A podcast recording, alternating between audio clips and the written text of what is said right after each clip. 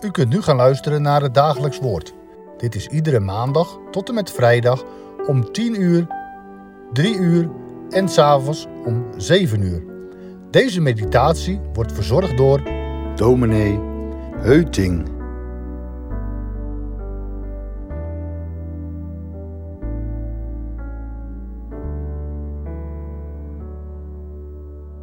Grote dingen.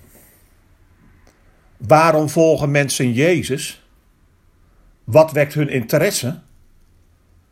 U zou die vraag moeten kunnen beantwoorden. Of aarzel je, omdat je haar nog nooit aan jezelf hebt gesteld? Als ik het evangelie lees, valt mij op dat vaak een motief wordt genoemd. De evangelist Marcus zet ons vandaag op een spoor. Daarom lezen we Marcus 3, vers 7 tot en met 11. Marcus 3, vers 7 tot en met 11. Luister.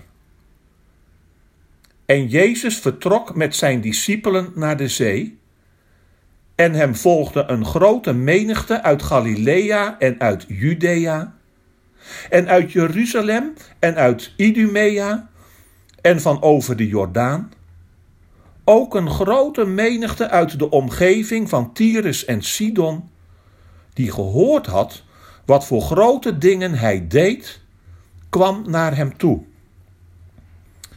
En hij zei tegen zijn discipelen dat er steeds een scheepje bij hem moest blijven vanwege de menigte, opdat ze hem niet zouden verdringen. Want hij had er velen genezen zodat allen die aandoeningen hadden op hem aandrongen om hem te kunnen aanraken. En telkens wanneer de onreine geesten hem zagen, vielen zij voor hem neer en riepen: U bent de zoon van God. Jezus reist verder en de dood reist met hem mee. De hoge heren in Jeruzalem willen niet dat hij nog langer met zijn boodschap het volk misleidt. Nu zoeken ze naar een geschikte gelegenheid om hem uit de weg te ruimen. Ze hebben genoeg van Jezus gehoord en gezien. Ze moeten hem niet. Hij sticht alleen maar onrust. Met die mededeling eindigt Marcus de vorige passage. Ondertussen blijven de mensen maar komen en ze volgen hem naar de zee van Galilea. Van heinde en ver, uit alle streken van het land en zelfs van over de grenzen, komen ze naar hem toe.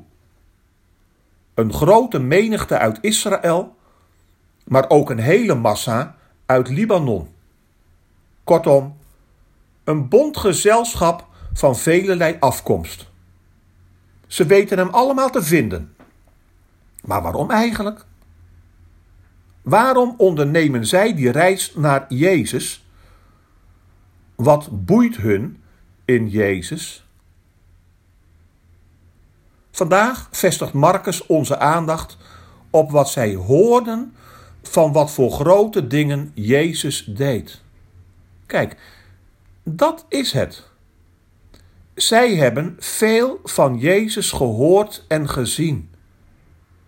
Er gaat een goed gerucht van Jezus rond. Deze mensen horen van de grote dingen die hij doet.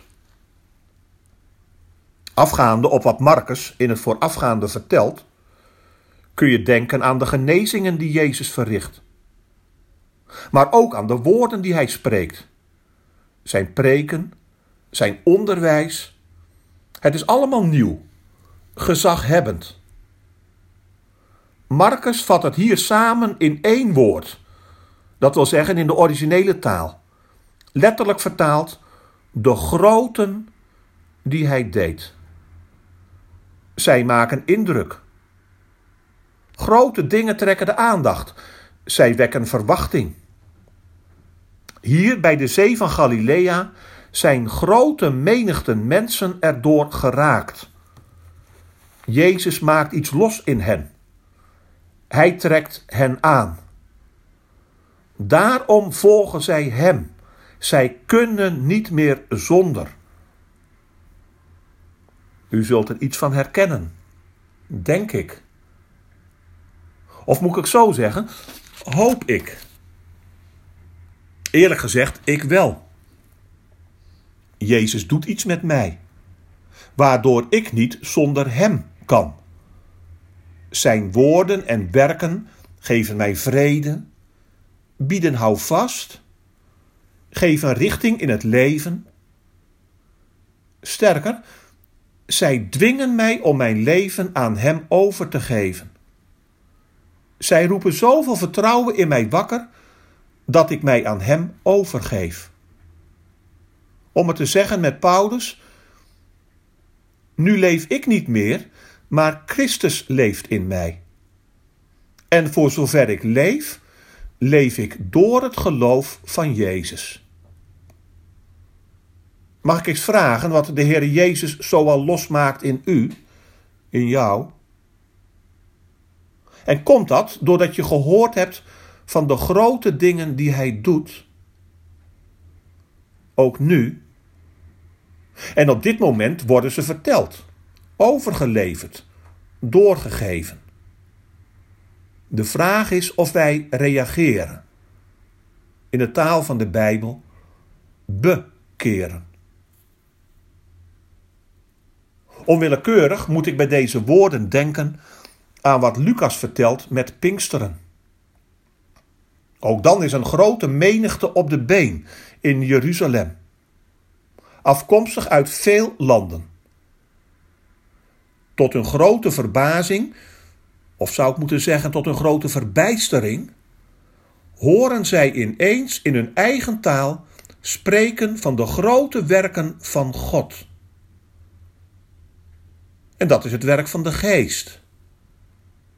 Nou, zoiets gebeurt ook al hier, bij de zee van Galilea. Deze gebeurtenis kun je gerust typeren als klein Pinksteren. Grote werken van God en grote dingen van Jezus vallen ten diepste samen. Zo vader, zo zoon, moet je maar denken. Grote dingen die je slechts kunt uitdrukken in grote woorden. Woorden als gerechtigheid en barmhartigheid. Woorden van vergeving van zonde, van verzoening van schuld. Om het te zeggen met Petrus, woorden van eeuwig leven. Waarom volgt u Jezus? Wat boeit u in Hem de dichter Muus Jacobsen laat ons zingen van grote dingen, als wij ontvangen al ons verlangen, met Christus opgestaan. Halleluja. Laten wij bidden. Heere Jezus Christus, u komt voorbij in de gedaante van het woord. Wij horen uw stem wij zien wat u doen. Wij horen en zien grote dingen. Toen eens gebeurde het in Galilea. De geest trekt die beweging voort, ook nu, onder ons. We mogen zingen van grote dingen, nu wij ontvangen al ons verlangen met U, Christus, opgestaan. Wij bidden U, o God, Laat ons leven in de kring van uw heil. Laat ons leven van grote dingen. En laat ons telkens weer horen die grote woorden van gerechtigheid en barmhartigheid, van genade en ontferming. Grote woorden van vergeving van zonden en verzoening van schuld het goede evangelie van Jezus Christus gekomen in deze wereld, verloren in zonde en schuld. De goede dingen van Christus, mijn Heer, mijn Heiland, mijn God.